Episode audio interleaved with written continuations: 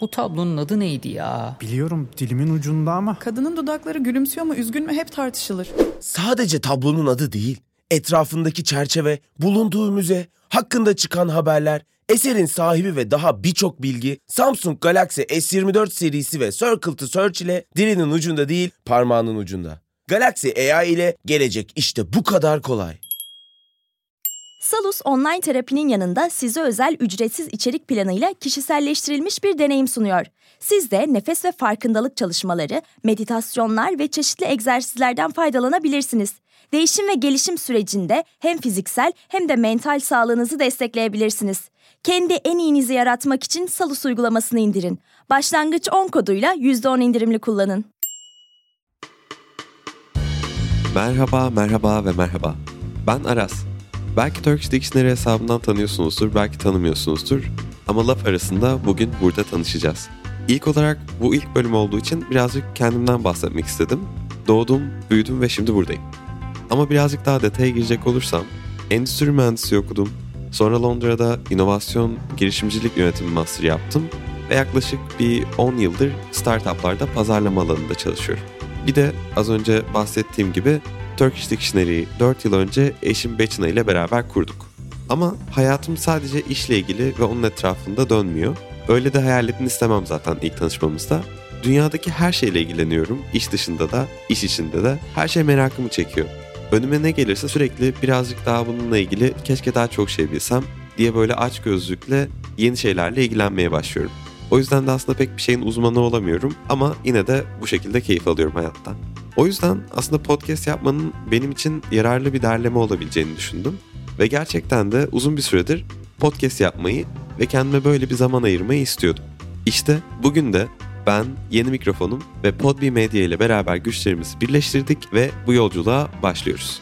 Bu aslında hem birazcık klişe, hem birazcık işlevsel, hem birazcık farklı olmasını istediğim laf arasında podcast'i konseptiyle bu şekilde başlayacağız. Ve bu ilk aslında bölümleri birazcık ısınma turu olarak düşünelim.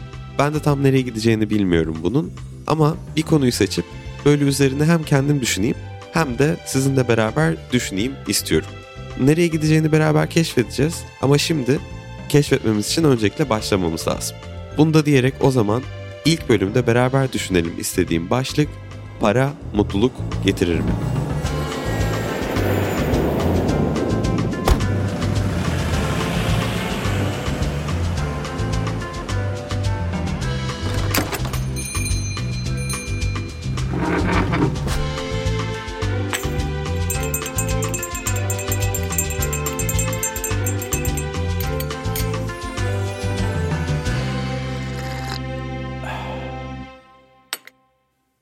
Peki şimdi neden para mutluluk getirir mi konusunun üzerine düşünmemiz gereksin? Herhalde dünyada mutluluk üzerine düşünmeyen neredeyse kimse yoktur diye düşünüyorum. Ve günümüz dünyasında da parayı önemsememek, parayı düşünmemek, hayatımızın büyük bir parçası olmaması çok mümkün değil. O yüzden para ve mutluluk beraber olarak düşünüldüğünde de çoğu zaman daha çok param olsa mutlu olur muyum ya da para benim hayatıma ne katacak? Bunları düşünmeyen insanlar da çok yok aramızda. O yüzden para mutluluk getirir mi sorusunun üzerine düşünmek birazcık daha belki hem parayla olan ilişkimiz hem mutlulukla olan ilişkimizi birazcık daha iyi anlamayı sağlayabilir diye düşündüm. Beni bunu düşünmeye iten şeylerden biri de benim aslında yüksek lisanstayken yaklaşık işte 8-9 yıl önce aldığım bir Organizational Behavior and Human Resources diye bir ders vardı. Ve burada birazcık daha para ve çalışanların mutluluğu arasındaki ilişkiden bahsediliyordu. O yüzden bunun da çoğu kişiye yararlı olabileceğini düşünüyorum. Bu sebeple birazcık bunun üzerine konuşmak istedim. Benim şu ana kadar öğrendiğim hayatta en yararlı şeylerden biri eğer biriyle bir şey tartışmak, biriyle bir şey konuşmak istiyorsak önce o konuyu nasıl tanımladığımızdan emin olalım. İki tarafında aynı şekilde konuyla ilgili tanımı yaptığından yoksa yapılan konuşmalar bu sefer daha verimsiz olabiliyor. O yüzden şimdi para mutluluk getirir mi konusunda parayı tanımlamamıza çok gerek yok. Çünkü paranın ne olduğu birazcık daha belirli. Ama mutluluğun ne olduğunu tanımlamamız gerekiyor diye düşünüyorum. Çünkü mutlulukla ilgili herkesin fikri belki aynı olmayabilir. O yüzden şimdi bir de birkaç dilde nasıl farklı tanımlanmış diye ben merak ettiğimden Türkçe, İngilizce ve Portekizce sözlüklerden bu benim konuştuğum diller olduğu için bir mutluluğun tanımına bakalım. ilk olarak Türk Dil Kurumu'nun mutluluk tanımıyla başlayalım. Türk Dil Kurumu ilk tanımı olarak şunu yazmış mutluluk için. Mutlu olma durumu. Mutlu olma durumu. Bu bize hiç yararlı olmadı. Yani her şeyi zaten bir şeyin olma durumu olarak tanımlayabiliriz. Haklılar da. Tamam. Bir sonraki tanıma geçelim. Burada da anlık bir duruma bağlı olarak duyulan sevinç veya alınan zevk diyor. Bu zaten büyük ihtimalle kafamızdaki şeylerle daha uyumlu, daha rahat bizi birazcık daha ileri götürdü. Şimdi İngilizce'de bu nasıl tanımlanmış ona bakalım. Acaba hani farklı kültürlerde farklı şekilde mi tanımlanıyor diye. İngilizce Oxford Dictionary'de de the state of feeling or showing pleasure yani bir keyfi hissetme ya da gösterme durumu diye tanımlanmış. Peki bir de Portekizce sözlüğe bakalım. Tabi Portekizcem, İngilizcem ve Türkçem kadar iyi değil. O yüzden olabildiği kadar çevirmeye çalışalım. Portekizce sözlükte de az çok tam bir tatmin hissi, bir hoşnutluk, gönül rahatlığı durumu gibi bir şekilde tanımlanmış. Şimdi bu üç dilde de kullanılan sıfatları toplayacak olursak böyle hoşnutluk durumu, keyif alma durumu, sevinç durumu gibi şeylerden bahsediyoruz. Ama burada benim aslında mutluluk derken anlık bir mutluluktan çok daha geniş süreli hani hayat boyu hissettiğimiz bir tatmin, mutluluk durumu olarak tanımlamak istiyorum. Ve hani para mutluluk getirir mi dediğimizde para banka hesabımıza girdi o anda mutlu olduk mu değil de aslında bizim daha çok paralı olduğumuz bir hayata yaklaştığımızda genel olarak hayatta daha mutlu oluyor muyuz, olmuyor muyuz sorusunu cevaplamak istiyorum aslında. O yüzden birazcık daha odaklanacağım bu.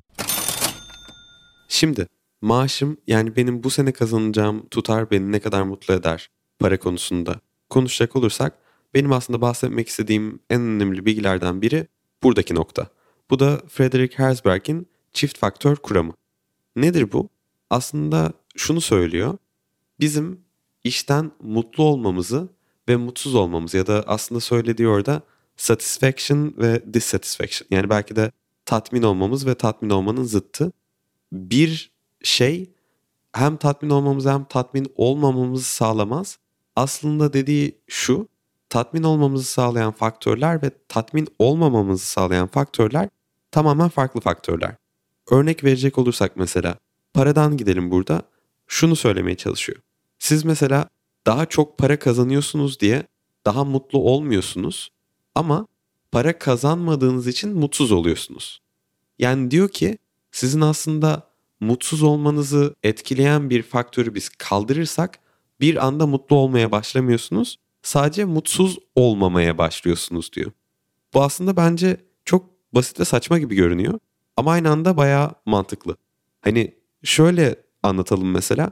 Diyelim sizin evinizin yanında bir inşaat var. Sürekli böyle her gün tak tak tak tak tak sesler çıkıyor. Ve siz böyle her gün uyandığınızda of bu ne kadar rahatsız edici, ne kadar sinir bozucu bir şey diyorsunuz. Şimdi diyelim bu sizi böyle iki ay boyunca, üç ay boyunca rahatsız etti. Sonra bir gün bu inşaat bitti. Siz aslında bu inşaat varken mutsuz oluyorsunuz inşaat sebebiyle. Bir inşaatın yokluğu sizi hayatınızda mutlu eden şey olmuyor. Bunu bundan anlatarak aslında gittiğinde diyor ki bize para aslında mutluluk getirmesi çok mümkün olan bir şey değil. Daha çok yokluğunun durumu bize mutsuzluk getiriyor diyor. Çok aslında hani birazcık negatif düşünülüyormuş gibi geliyor ama bence buradaki yaklaşım çok faydalı. Çünkü diyor ki hani bizim aslında işten mutlu olmamızı sağlayan şeyler daha iç faktörler. Hani aldığımız işte ben takdir edildiğimi hissediyor muyum? Ondan sonra yaptığım işlerin sonucunu görebiliyor muyum? Gibi gibi daha iç faktörlerin bizim mutluluğumuzu etkilediğini söylüyor. Şimdi tabii ki burada parantez açmak gerekiyor. Şundan da bahsediliyor. Sizin mesela bu başka bir hani herkesin zaten bildiği şu ana kadar Maslow'un ihtiyaçlar hiyerarşisi konusunu düşündüğümüzde eğer siz mesela asgari ücret kazanıyorsanız ya da kazandığınız tutarın hani hayatınızdaki daha gerekli şeyler için yeterli olmadığı bir noktadaysanız diyelim kiranızı karşılayamıyorsunuz ya da işte kirayı karşılayamadığınız için şehrin çok çok dışında yaşıyorsunuz. Her gün 2 saat işte topu taşımayla işe gelmeniz gerekiyor. Ya da diyelim istediğiniz gibi yemek alamıyorsunuz eve onlardan kısmanız gerekiyor. Bu durumda tabii ki maaşınızın artması sizin aslında hiyerarşideki ihtiyaçlarınızı düşündüğünüzde barınma ihtiyacı, yemek yeme ihtiyacı, güvende hissedilme ihtiyacı.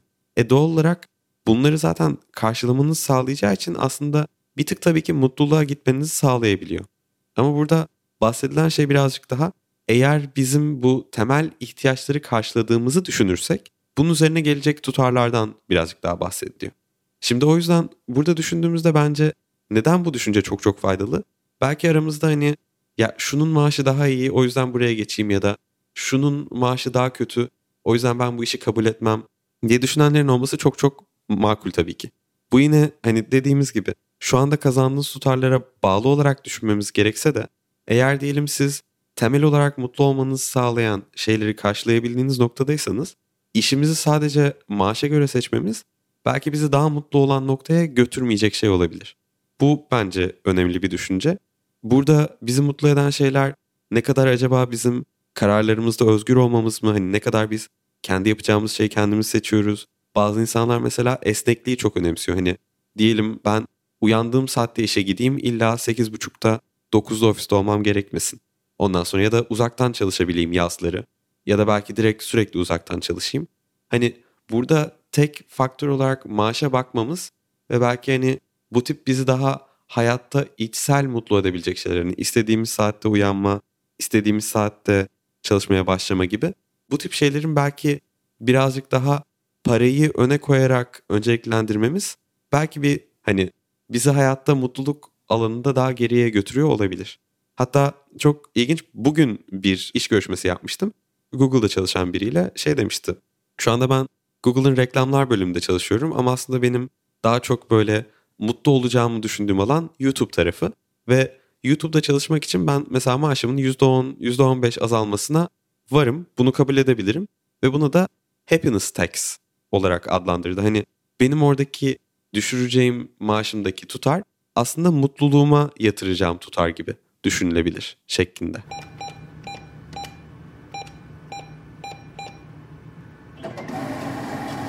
Yani şimdi bütün bunları düşündüğümüzde aslında başka bir kuramla da bunu bağlayabiliriz. Azalan marjinal fayda prensibi.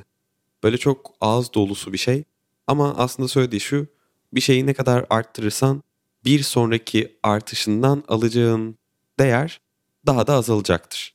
Yani bunu neyden düşünebiliriz? Mesela çok susadın, aşırı susadın, bir bardak su içtin, çok mutlu oldun. İkinci bardak su içtin, yani tamam birazcık daha bir katkısı oldu ama üçüncü bardağı içtin artık tamam zaten ihtiyacım yoktu ki buna olmaya başladı. Aynı şekilde nasıl hani mesela maaşta düşünecek olursak büyük ihtimalle senin maaşın diyelim 30 bin liradan 40 bin liraya çıktı ya da 20 bin liradan 30 bin liraya çıktı. Daha fazla etkisi olacak ama 100 bin liradan 110 bin liraya çıkmasında daha az bir etki yaratacak senin hayatında ya da mutluluğunda. O yüzden hani burada şunu düşünebiliriz. Biz kariyerimizde ilerledikçe ve hani gittikçe maaşlarımızın artışı arttıkça en başında bundan aldığımız ek etkiden daha az etki almaya başlayacağız büyük ihtimalle. Herhalde hani ilk düşündüğünüzde belki hatırlamaya çalışırsanız ya da şu anda o durumdaysanız ilk işinize girdiniz. Bir yıl bitti bir zam aldınız ya da ondan sonra ikinci işinize geçtiniz ve geçerken mesela maaşınız %30, %40 arttı. O noktada çok çok daha büyük bir mutluluk yaşıyorsunuz. Şey göre işte hani hayatınızın, kariyerinizin 10. yılındasınız, 11. yılındasınız. Yine bir yıllık değerlendirme noktası geldi. Ve orada aldığınız maaş zammı işte yüzde bilmem kaçtı. Oradaki aldığınız ilk mutlulukla hayatınızdaki işte bu ilk maaş zammı hani daha kariyerinizin başındayken daha az kazanıyorkenkinden farklı etki yaratıyor. Bu da işte hani bahsedilen azalan marjinal fayda prensibi. Bu şekilde bunu da düşünmekte fayda var. Tamam şimdi kuramlardan falan bahsettik. Dedik işte böyle olursa böyle oluyor ondan sonra. Ama bunlar her zaman geçerli mi? Hayır. Hangi durumda geçerli değil? Adillik olmadığı durumunda. Şimdi siz diyelim başka biriyle aynı işi yapıyorsunuz. Murat diye bir adam olsun şirkette. Ve Murat tamamen sizinle aynı yetkinliğe sahip. Aynı işi yapıyor. Aynı süredir şirkette. Ama mesela Murat'ın aldığı maaş sizin maaşınızın %20 üzerinde olsun. Bu noktada sizin mutluluğunuzu neden etkiliyor? E doğal olarak hani durumun adil olmadığını hissediyorsunuz. Neden ona böyle bana böyle diye sorgulamaya başlıyorsunuz durumu. Ve orada sadece olay ekonomik kriterlere göre değil hani bizim insan olarak hissettiğimiz adillik hissiyatı ihtiyacı sebebiyle de etkileniyor. O yüzden biz ne olursa olsun bütün bu mantıksal kuramlarla ekonomik durumları sadece açıklayamıyoruz. Çünkü burada duygusal noktalar da var. O yüzden ne olursa olsun bu şekilde ilerleyecek diyemeyiz. Şirkette de bir şekilde aldığınız maaşların size adil gelmesi gerekiyor ki mutlu olabilirim ya da en azından hani bahsettiğimiz diğer nokta mutlu olabilirimden daha çok mutsuzluk gelmesin bize noktası. O yüzden de bunu Sence gelecek nasıl olacak? Gördüğün her şey hakkında anında bilgi sahibi mi olacaksın? Gecenin karanlığında çok uzaklarda bir baykuşun kanat çırpışını hemen önündeymiş gibi mi göreceksin? Ya da duydukların senin için dönüp bakabileceğin notlara mı dönüşecek? Şimdi cebinden Samsung Galaxy S24 Ultra'yı çıkar. Bunların hepsi işte bu kadar kolay. Çünkü Galaxy AI ile yapay zeka çağı başladı. Galaxy S24 Ultra ile gelecek seni bekliyor. Salus uygulamasında klinik psikologların yanında online görüşme yapabileceğiniz farklı uzmanlar da var. Çocuk gelişim uzmanı, diyetisyen veya fizyoterapist. Bu sayede değişen ihtiyaçlarınıza uygun beslenme, egzersiz ve sağlıklı yaşam rutinleri oluşturabilirsiniz. Salus uygulamasını indirin ve başlangıç 10 koduyla %10 indirimden yararlanın. Detaylar açıklamalarda ve salusmental.com'da. göz ardı edemeyiz. Peki tamam. Şimdi maaşı düşünmeyi bırakalım ve birazcık daha banka hesabımızdaki miktar üzerine odaklanalım. Yani hani bu sene ne kazandığım değil daha çok şu anda benim harcayabilecek ne kadar param olduğu konusu. E bunu düşününce de zaten çoğumuz farkındayızdır. Hayatımızda yapmaktan hoşlandığımız ama maliyeti olan şeyler var. Bu mesela olsun tatile gitmek, olsun bir hobidir mesela resim yapmak, işte tuval almak istiyorsun, boya almak istiyorsun ya da işte arkadaşlarla buluşmak belki hayatta en çok mutlu eden şey. Ondan sonra dışarı çıkayım, bir yemek yiyeyim, içki içeyim diyorsun ama orada bazen düşünüyorsun okey bunu harcayacağım para beni strese sokacak mı? Yani şu anda rahat bir şekilde mi bunu harcıyorum yoksa işte dışarı çıktığım için mesela çıkıyorum ama suçlu hissediyorum bu sefer bana bir mutsuzluk geliyor ve bu mutlu olacağım anın önüne geçiyor gibi bir durum oluyor mu? Ya da ikinci bir durum hani zaten iki seçeneğimiz var ya eğer yeterli para biriktirmediysek ve hani bir aktiviteye para harcamak istiyorsak ya çıkıyoruz mesela suçlu hissediyoruz şu anda ya da çıkmamayı tercih ediyoruz ve bu sefer de hani mutlu olabileceğimiz bir etkinlikten uzak kalmış oluyoruz. O da hayatımızdaki total biriktirdiğimiz mutlu anlar, mutlulukları eksiltmiş oluyor. O yüzden burada yine düşündüğümüzde banka hesabımızdaki parada da diğer konularda konuştuğumuz gibi gittikçe azalan bir fayda noktası var büyük ihtimalle. Hani biz bu aktiviteleri yapabilmemizi sağlayan tutara sahip olmamız e doğal olarak bizim daha çok mutlu olduğumuz bir noktaya götürebiliyor. Ama mesela diyelim işte belki tatile gitmekten bahsettik mesela. 5 yıldızlı bir otele gitmekle ultra ultra lüks bir otele gitmek arasında çok bir fark var mı bizim mutluluğumuzda? Bu düşünülebilir mesela. Yine banka hesabımızdaki parada da büyük ihtimalle bir noktaya kadar getirdiği bize ek değer, ek mutlulukla onun üzerine çıktıkça getirdiği ek mutluluk arasında gittikçe düşen bir miktar oluyor. Ve bununla ilgili mesela şeyi okumuştum. Şu an nereden okuduğumu da hatırlamıyorum ama umarım yanlış değildir. Bu piyangoyu kazanan insanlar herhangi bir ülkede çok ciddi bir hayatlarında mutluluk artışı olmadığı şeklinde bir araştırma vardı. Ve birazcık da hani böyle ilk mesela kazandığında aşırı mutlu oluyorsun. Okey hayatım çok değişti ondan sonra şu anda çok büyük bir şey, beklenmedik bir şey benim elime geçti. Ama ondan sonra bir şekilde buna adapte oluyorsun. Yeni hayatına odaklanıyorsun ve bir şekilde hani o sende kalıcı bir mutluluk getirmiyor gibi bir şey okumuştum mesela.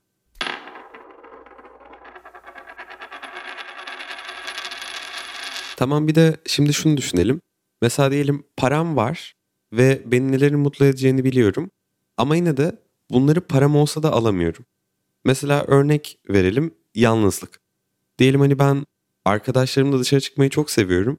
Ama ya mesela arkadaşlarımın hepsi yurt dışına taşındı ya da hani ben yurt dışına taşındım ve arkadaşlarım artık yanımda yok. Ya da işte arkadaşım yok mesela. Hani bu durumlar mesela bizi mutlu edecek şeylerin önüne parayla sadece alamadığımızı ve bir şekilde başka şeylerin de bunları etkilediğini gösterebiliyor.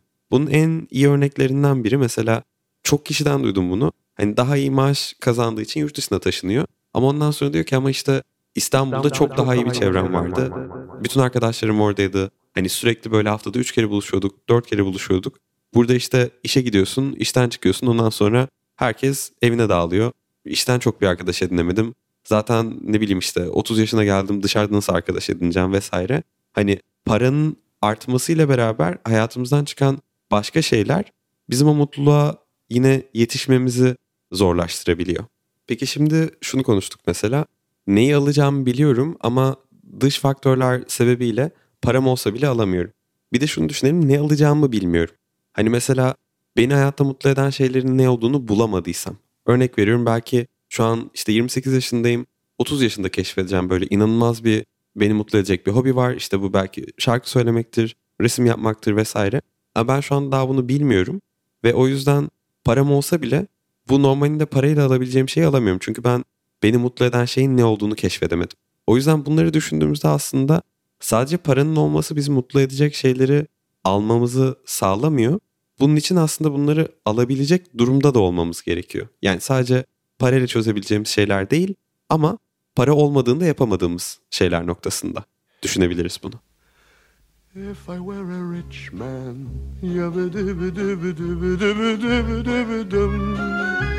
Şimdi tabii paranın satın alabileceklerinden bahsettik. Bir de paranın satın alamayacağı mutluluklar da var. Mesela Calle Trece diye sevdiğim bir grup var. Onların Latin America diye bir şarkısı var. Oradaki sözleri beni etkilemişti baya. Şunu diyordu. Rüzgarı satın alamazsın, güneşi satın alamazsın, yağmuru satın alamazsın, sıcaklığı satın alamazsın. Hani tabii ki bunlar bir örnek hani hava durumundan bahsediyoruz gibi sadece ama ben mesela San Francisco'ya taşımadan önce Datya'da yaşıyordum. Orada benim her gün evden çıktığımdaki o Dacia'nın rüzgarının beni ettiği mutluluğu o kadar farklı bir noktada ki yani şu anda bunu nasıl buraya getirebil yani getirmemin bir yolu yok zaten. Ya da güneşli günler ondan sonra beni çok çok mutlu ediyor. Ama ben bir yere taşındım diye hadi burada birazcık daha güneş satın alayım diyemiyorsun. Mesela benim çok daha karanlık yerlerde yaşayan arkadaşlarım var. İşte İsveç'tir bu, Finlandiya'dır vesaire. Onlar şey alıyor bu yapay güneş ışığı satın alıyor. Hani bu sen güneş satın aldın mı? Hayır almadın. Ama hani en azından vücudunu kandırmaya çalışıyorsun gibi bir şey. Yani şunu demeye çalışıyorum. Mesela bu çok iyi bir arkadaşlıktır. İşte ondan sonra ailenin yanında olmasıdır vesaire. Havanın iyi olması. Bunları da hiçbir zaman alamadığımız şeyler. Yani param ne kadar olursa olsun benim kendi hayatıma katamayacağım şeyler de var parayla. Bunu da düşünmek gerekiyor.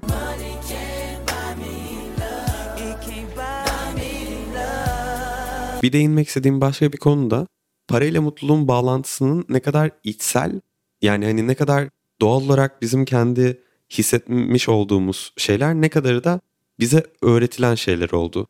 Ya örnek veriyorum mesela okuldan başlayabiliriz mesela okulda iyi iş bul öyle mutlu olacaksın denmesidir.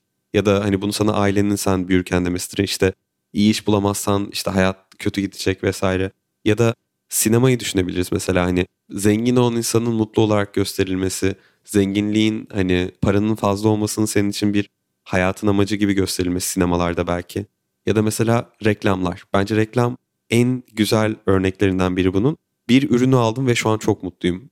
Bunları düşündüğümüzde aslında mutluluk algısının parayla beraber gelebilecek ne kadar bizim kendi gerçekten hissedeceğimiz şeyler ne kadarını da bize toplumun öğrettiği şeyler olduğunu düşünmek de bence değerli diye düşünüyorum bu noktada. Peki bir de düşünmemizin önemli olduğunu düşündüğüm bir şey acaba parayı arttırmaya çalışırken bize mutluluk getirecek olduğunu düşündüğümüz için başka mutluluk getirecek şeyleri arttırmaya vakit ayıramıyor olabilir miyiz? Mesela burada hangi örnekten gidebiliriz? Şundan bahsettik. İşte dedik ki arkadaşımla buluşmak istiyorum ama hani para biriktirmem gerekiyor. O yüzden çıkmadım bugün. İşte onlarla buluşmadım. Orada mesela biz hani bir bilinçli tercih yapıyoruz. Diyoruz ki hani bize belki paranın mutluluk getireceğini düşündüğümüz için ya da yokluğunun mutsuzluk getireceğini düşündüğümüz için ve bunu engellemek istediğimiz için mutluluk getirecek bir şeye para harcamadık. Bu bir tanesi. Ama diğeri de mesela zaman noktası. Şimdi genel olarak zaten hayattaki en önemli kaynaklarımız para ve zaman. Ama hani zaten şey hiç girmeyeceğim bile hani zaman en değerli kaynağımız işte vakit nakittir, geçen vakti geri alamazsın falan filan bunları zaten biliyoruz. Ama burada hani birkaç düşünülebilecek şeyler mesela ben diyelim hayatımdaki işte kariyerimin 3 yılını birazcık daha daha çok para kazanmaya odaklayacağım. Diyeceğim ki hani keyif almıyor olsam bile işimden ondan sonra iş arkadaşlarımla işte rahatsız olsam da vesaire ben şu anda daha çok para kazanıyorum diye işte 3 yılı bununla geçireceğim. O sürede hani düşündüğümüzde o para kazanmak için zamanımı harcayacağım dediğimiz noktada zamanımızı gerçekten harcamış oluyoruz. E tabii ki bu da yapalım ya da yapmayalım şeklinde bir değerlendirme değil. Sadece hani bunları düşünmemizin faydalı olduğunu düşünüyorum. Başka güzel bir örnekte hani ben de yaşıyorum bunu büyük ihtimalle başka insanlar da yaşıyordur. Mesela diyelim ailenle vakit geçirmek seni mutlu ediyor. Arkadaşlarınla vakit geçirmek seni mutlu ediyor. Ama mesela ben şu anda San Francisco'ya taşındım ve burada benim aslında bir arkadaşım yoktu buraya taşınırken. Türkiye'deki kadar yakın arkadaşlarım ya da yurt dışındaki başka yerlerdeki kadar yakın arkadaşlarım ve ailem de doğal olarak burada değil Türkiye'de. O yüzden ben de mesela hani birazcık daha buraya geçerken bunları geride bıraktığımın farkında olarak geçtim. Ve bu da hani yine orada bir aldım verdim alışveriş noktasına gidiyor. Ondan sonra bir şey alıyorsunuz ama başka bir şey kaybediyorsunuz. O yüzden paranın artışı çoğu zaman size başka bir şeyin kaybı anlamına gelebiliyor. O yüzden bunu da her ne kadar şu doğrudur ya da bu daha çok mutluluk getirir, bu daha az mutluluk getirir değil ama hani bir yerleri de kaybettiğimizi düşünmemiz faydalı diye düşünüyorum bu noktada da. Tamam. O zaman sonuna geldik gibi. Bir özet geçelim bence. Burada o zaman bayağı bir şey konuştuk bugün. Dedik ki hani iş üzerinden başladık. Çift faktör kuramından bahsettik. Hani paranın varlığının ya da artışının mutluluk getirmesinden çok yokluğunun ya da azlığının mutsuzluk getirmesi durumundan bahsettik. Ama şuna değindik sonra temel ihtiyaçlarımızı almamızı sağlıyorsa etkisinin büyük olduğundan bahsettik. Ama ondan sonra da dedik ki hani para arttıkça gittikçe bize gelen ek mutluluğunun daha az olduğunu ve bu azalan marjinal fayda kuramından bahsettik birazcık da. Ama bunun yanında da şundan da bahsettik. Mutlu eden aktiviteleri almamızı sağlıyorsa hani temel ihtiyaçlar tamam. Bir de işte bu hobilerimdir, arkadaşlarımla zaman geçirmemdir. Bunları bana sağlıyorsa yine tabii ki ek bir mutluluk getirdiğinden bahsettik. Ama bunun yanında bir de şunu da söyledik. Hani param olsa da almak istediğim şeyleri alamamamızın mümkün olduğundan bahsettik. Ve dedik ki bir de parayı arttırmaya çalışıyorken neleri geride bıraktığımıza da bakmak gerekiyor. Şimdi yani bunların hepsini düşündüğümüzde özetleyecek olursak para mutluluk getirir mi? Getirir. Ama evet ve hayır şeklinde yaklaşmak gerekiyor. Her noktada getirir mi? O da hayır bence. Yani bizim belli bir noktaya geçtikten sonra ya çok çok az etkisi ya da hiç etkisi yok gibi noktaya geliyor. Mesela Jeff Bezos'a şu anda siz 10 dolar verseniz hayatında hiçbir şey değişmez Jeff Bezos. Ve hiçbir mutluluğu da geleceğini sanmıyorum. O yüzden gittikçe hani bu azalan marjinal faydayı düşündüğümüzde bir noktadan sonra gittikçe daha da az ek katkı getirdiğini ve belki en önemli olan şeylerden birinin de bu noktaya nerede ulaştığımızı ve buradaki geldiğimiz noktayla beraber acaba hayatımızda başka alanlara zaman ve enerji ayırmalı ve belki de hani o noktaya geçtikten sonra parayı arttırmak için daha yapabileceğimiz şeyler yerine acaba bizi birazcık daha mutlu edebilecek şeyleri anlamaya çalışsak, bulmaya çalışsak ve buna vaktimizi ayırsak belki daha çok mutlu olabiliriz gibi. Çünkü bahsettiğimiz gibi en değerli şey zamanımız doğal olarak. Bunu zaten hani söyleme gereği olduğunu bile düşünmüyorum. Hepimiz insanız hepimiz yaşadık bunu biliyoruz. O yüzden burada bence üzerinde düşünmemiz hepimiz için faydalı. Hani benim için mutluluk ne? Bana mutluluğu getiren şeyler ne? Ben bunu parayla alabilir miyim? Şu andaki kazandığım tutarla zaten bunu yapabiliyor muyum? Ya da işte paramı arttırmak için şöyle bir karar almak istersem bunun bana nelerden feragat etmeme sebep olacak? Bunları hep düşünmek bizim için faydalı. Zaten kendimiz için de böyle bir arada zamanla ya ben bu hayatta ne yapıyorum yani ne için çalışıyorum ondan sonra bu değiyor mu ondan sonra neden neden neden diye sürekli bir sorgulamamızın yararlı olduğunu düşünüyorum.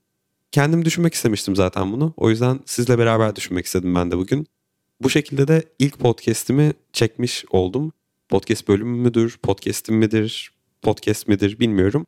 Ama bu şekilde sonuna geldik. Umarım iyi olmuştur. Bu da benim ilk denemem. O yüzden geri bildirimlerinizi bir şekilde göndermeniz için sanırım bir e-mail falan bırakacağım. Ben de şu anda yeni başladığım için ne yapacağımı bilmiyorum çok. Şu anda akşam 12 burada. Kendi kendime zaten bir, bir buçuk saattir konuşuyorum. O yüzden bence burada bitirelim. Umarım seversiniz ve ben de buna umarım devam ederim. Ve bu şekilde bir sonraki bölümde görüşmek üzere diyerek kapatıyorum. Güle güle.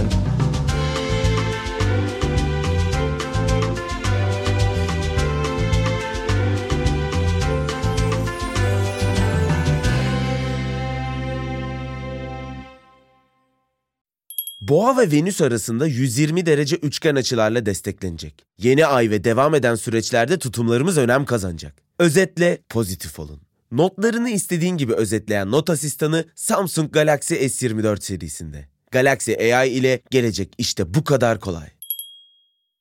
Salus yetkin psikologları ile terapiyi her yerden ulaşılabilir kılmaya devam ediyor.